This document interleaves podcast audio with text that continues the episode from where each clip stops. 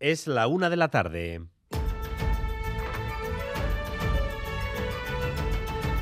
Crónica de Euskadi con Dani Álvarez.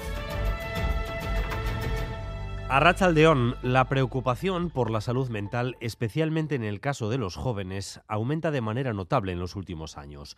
Hay dos aspectos que han puesto en primera línea la necesidad de cuidar y trabajar este tema. Uno, el efecto nocivo de las redes sociales que multiplican las imágenes de cuerpos 10 y dos, la pandemia de coronavirus. Conscientes de esta realidad, los responsables de salud mental de Osakidecha van a crear dos unidades destinadas a tratar los trastornos alimentarios, sobre todo la anorexia, en Vizcaya y en Araba. Natalia Serrano. Era una aspiración de pacientes y familias. Tras el confinamiento sí se dispararon los casos, las atenciones y pedían la creación en Osakidecha de estos centros a través de change.org, Irequia o incluso llegaron a ir al Parlamento.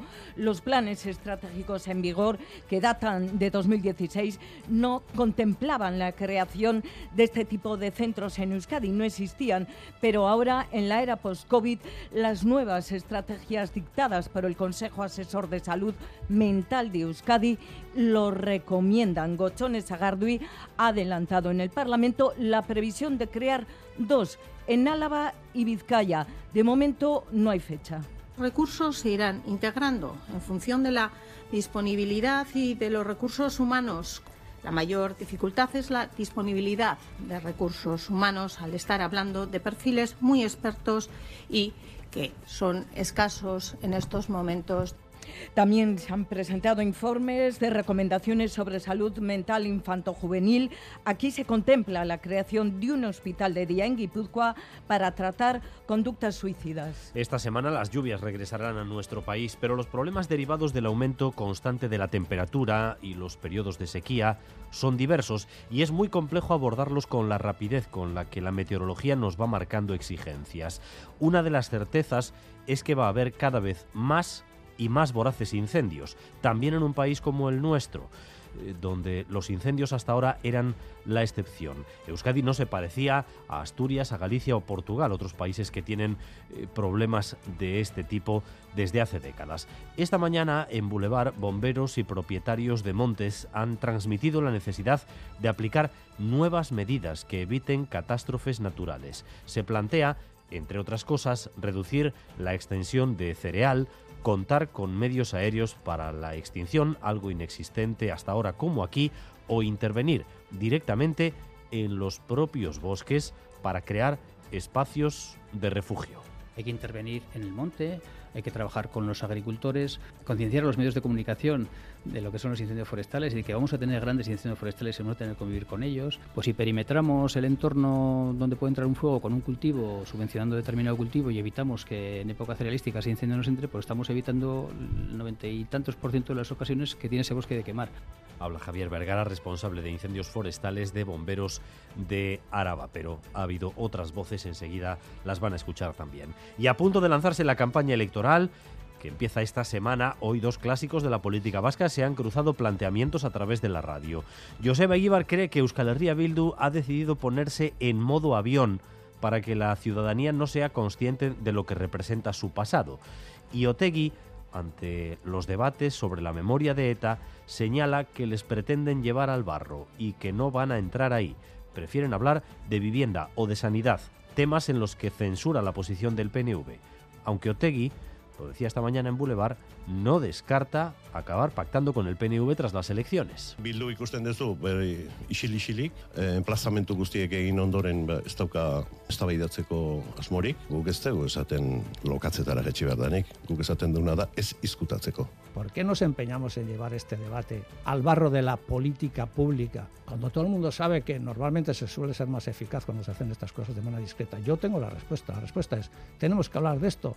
¿Por qué no podemos hablar de, de Miguel? ¿Por qué no podemos hablar del cierre de ambulatorios?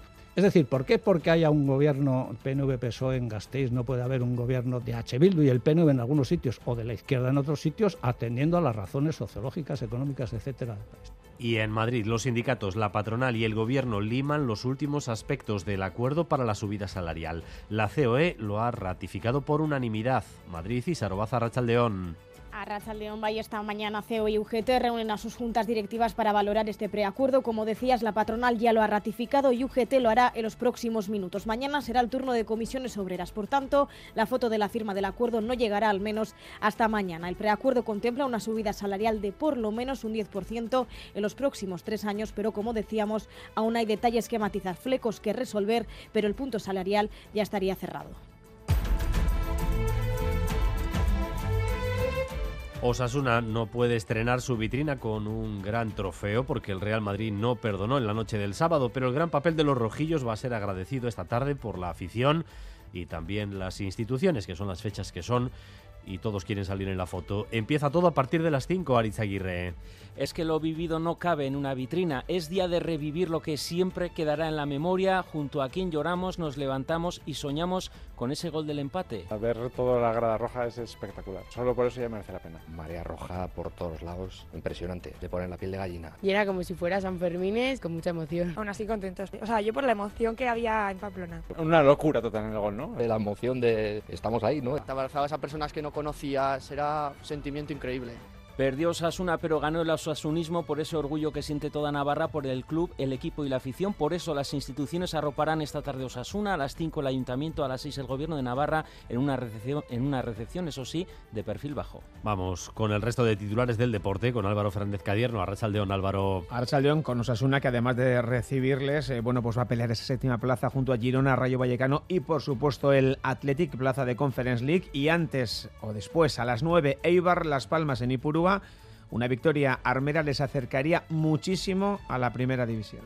Cinegoa, que el Festival de Cine y Arte Escénico LGTBIQ comenzará su edición número 20 el próximo mes de junio, pero antes aborda el ciclo Cinegoa que da pena, que comenzará mañana en Galdacao. Es una muestra ambulante por diversos pueblos con ciclos adaptados a diferentes temáticas. Escuchamos a Alaitz Aranzana, directora del Festival Cinegoac cortometrajes en relación a diferentes vivencias y realidades LGTBIQ+. Mostrar algunas obras en diferentes localidades, localidades a las que, bueno, en principio la llegada de, estas obras son más complicadas, se diversifique el festival y que los contenidos, la sensibilización y los propósitos del mismo eh, lleguen a cuantos más lugares posible y a cuantas más personas, pues mejor a esta hora cielos azules, especialmente en las comarcas de Araba y Navarra, comarcas interiores, algo más velados los cielos en Vizcaya y en Guipúzcoa, donde también se verá el sol a pesar de todo durante las próximas horas. El viento norte, eso sí, refrescará algo las temperaturas. Ahora mismo 22 grados en Bilbao, 20 en Donostia, 19 en Bayona, 18 en Vitoria-Gasteiz y también 18 grados de temperatura en Pamplona. Y un accidente de tráfico que le ha costado la vida a un joven esta pasada medianoche en Hermoasara y Pérez. Una noticia luctuosa, la del accidente mortal que ocurrió ayer, minutos antes de las 12 y media de la noche, la Nacional 634 en Irún, sentido Ibar, cuando un conductor al salir del túnel perdió el control de su vehículo por causas que se desconocen todavía y se chocó contra la rotonda de acceso a Hermo. A consecuencia del impacto, el conductor, un joven de 27 años y su perro que viajaba con él han perdido la vida. Desde la unidad, territorio desde la unidad territorial de tráfico de Vizcaya se ha abierto el atestado correspondiente para determinar las circunstancias del accidente. Gracias un día más por elegir Radio Euskadi y Radio Vitoria para informarse. Raúl González y José Ignacio Revuelta se encargan de la dirección técnica y Aitziber Bilbao de la coordinación. Crónica de Euskadi con Dani Álvarez.